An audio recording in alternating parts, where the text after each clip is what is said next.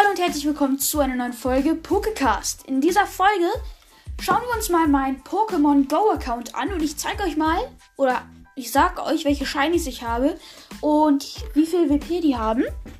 Genau. Und ich würde sagen, wir springen wir auch schon direkt ins Spiel rein. Ähm, ja. Hier haben wir es. Und heute noch als Special.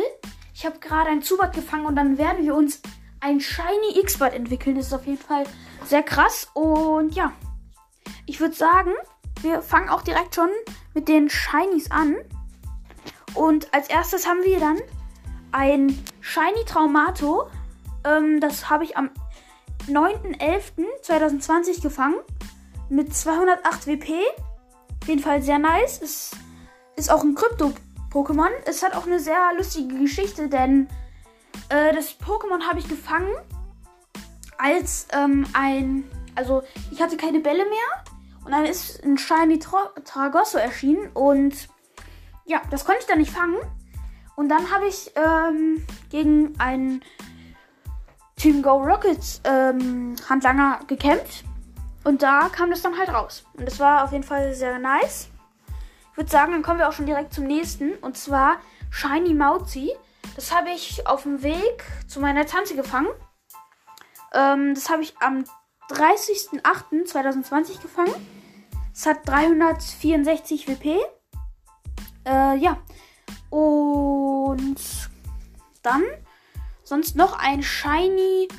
Äh, ich weiß gerade nicht, wie das heißt. Meditalis. Shiny Meditalis. Mit 269 WP. Da hatte ich ein Shiny. Ähm, auf jeden Fall die Vorentwicklung davon. Ich weiß es jetzt halt nicht.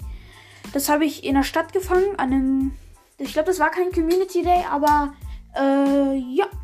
Gucken wir uns auf jeden Fall schon mal das nächste Pokémon an. Und zwar Shiny Nebulak. Das habe ich am Shiny. Äh, an dem Community Day habe ich das gefangen. Auf jeden Fall nice. Davon habe ich dann. Äh, ich weiß nicht, wie viel ich davon habe, aber das habe ich am 19.07. auf jeden Fall gefangen. Dann habe ich noch ein Shiny. Ähm, Nebulak. Äh, nicht Nebulak. Auf jeden Fall die Entwicklung davon. Dann habe ich noch äh, ein Shiny Nebulak. Und ein Shiny Gengar. Noch eine Entwicklung von dem Nebulak. Noch ein Nebulak und noch ein Gengar. Auf jeden Fall sehr nice. Das war ein sehr geiler Community Day. Und dann kommen wir auch schon direkt zum zweiten Pokémon. Und zwar Panzereon in Shiny. Das habe ich durch eine Quest ähm, am Pokémon Go Fest bekommen. Es war auf jeden Fall sehr, sehr nice. Ähm, es hat 877 WP, also auch gar nicht so schlecht für ein Shiny. Dann noch ein Shiny Bibor. Das habe ich am Hornlew Community Day gefangen. Sehr, sehr geil. Ähm, ja. Und noch ein Shiny Skorgler. Das habe ich in der Innenstadt gefangen, als wir einkaufen waren. Dann mein äh, zweite Shiny war das, glaube ich. Ein Shiny, ähm, auch ich weiß gerade nicht, wie das heißt. Warte mal, wartet mal ganz kurz. Ein Shiny Schillerbell, genau. Shiny Schillerbell.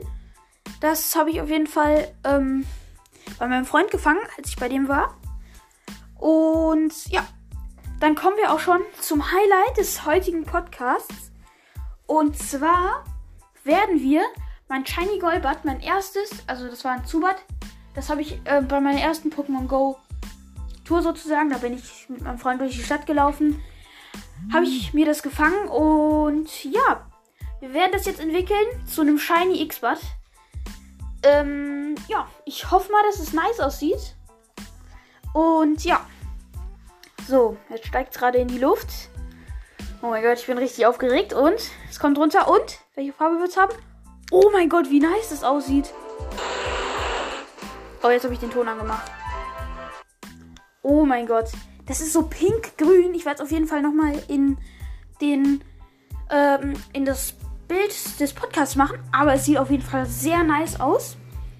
Ähm, ja, 777 WP und Luftschnitt und Windschnitt hat es als Attacken. Und ich würde sagen, das war's auch schon mit den Shinies. Und dann kommen wir jetzt mal zu den, ähm, zu den, äh, ja, zu den guten Pokémon, die ich habe. Mache jetzt so die Pokémon, mit denen ich normalerweise kämpfe. Dragoran mit 3086 WP ist auf jeden Fall mein stärkstes. Das habe ich entwickelt äh, an, ich weiß nicht, da war irgendwie, da waren ganz viele Dragonier, äh, was für Dragonies, ähm, Dratinis und die habe ich dann halt immer gesammelt und habe es dann ähm, entwickelt. Und meine Schwester, die ihr wahrscheinlich auch kennt, und wenn nicht, dann hört euch auf jeden Fall die letzten Podcast-Folgen an. Da haben wir uns nämlich die Sammlung von ihr angeguckt. Auf jeden Fall sehr nice. Und ja, ähm, da hat sie ein Shiny Dratini bekommen und das hat sie aber leider nur bis zum Dragonier entwickelt bekommen. Jetzt sammelt sie natürlich auch Dratinis, dass sie sich ein Shiny Drago ranmachen kann. Auf Platz 2 bei mir ist Metagross mit 200, äh, 7, äh, 2717 WP. Dahinter kommt ein Psyana mit 2443. Danach ein Ursaring 2269 und danach ein Kokowai 2259 WP. Und als letztes haben wir noch ein Glasiola heißt es, glaube ich. Ist auf jeden Fall diese Eis-Evoli-Entwicklung. Mit 2167 WP. Und ja, ich würde sagen, sonst, was gibt es noch sonst für Pokémon, die erwähnenswert sind? Ich habe hier noch ein Bisaflor ein Aerodactyl und ich kann mir fast ein Machomai entwickeln. Aber da muss ich noch ein paar Bonbons farmen. Ja, ich würde sagen, ach no, nee, ich habe noch einen Raichu mit einer Sonnenbrille und einem Hut. Und dann noch die, ähm, so ein paar Starter, also Shiggy, Bisasame, habe ich dann noch mit so einem Hut auf. So einem Partyhut.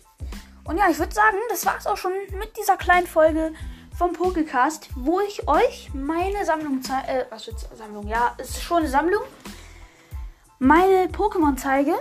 Und ja, wenn ihr da nochmal die Bilder sozusagen zu sehen wollt, dann kommt vielleicht auch die Tage dann noch ein Video auf meinem YouTube-Kanal. Und wenn ihr das feiert, diesen Podcast, dann könnt ihr mal gern auf den Folgen-Button klicken. Ist kostenlos und es unterstützt mich. Und ja, wenn ich sehe, dass das mehrere Leute tun, dann habe ich natürlich auch mehr Motivation und bringe dann vielleicht auch ein paar mehr Folgen raus. Ich tue ja jetzt nicht irgendwie schon drei Folgen am Tag raushauen, aber egal. Ähm, und ja. Schaut auf jeden Fall auch gerne auf meinem YouTube-Kanal vorbei. Karotten Gaming. Schreibt auch nochmal in den Titel. Und ja, ciao.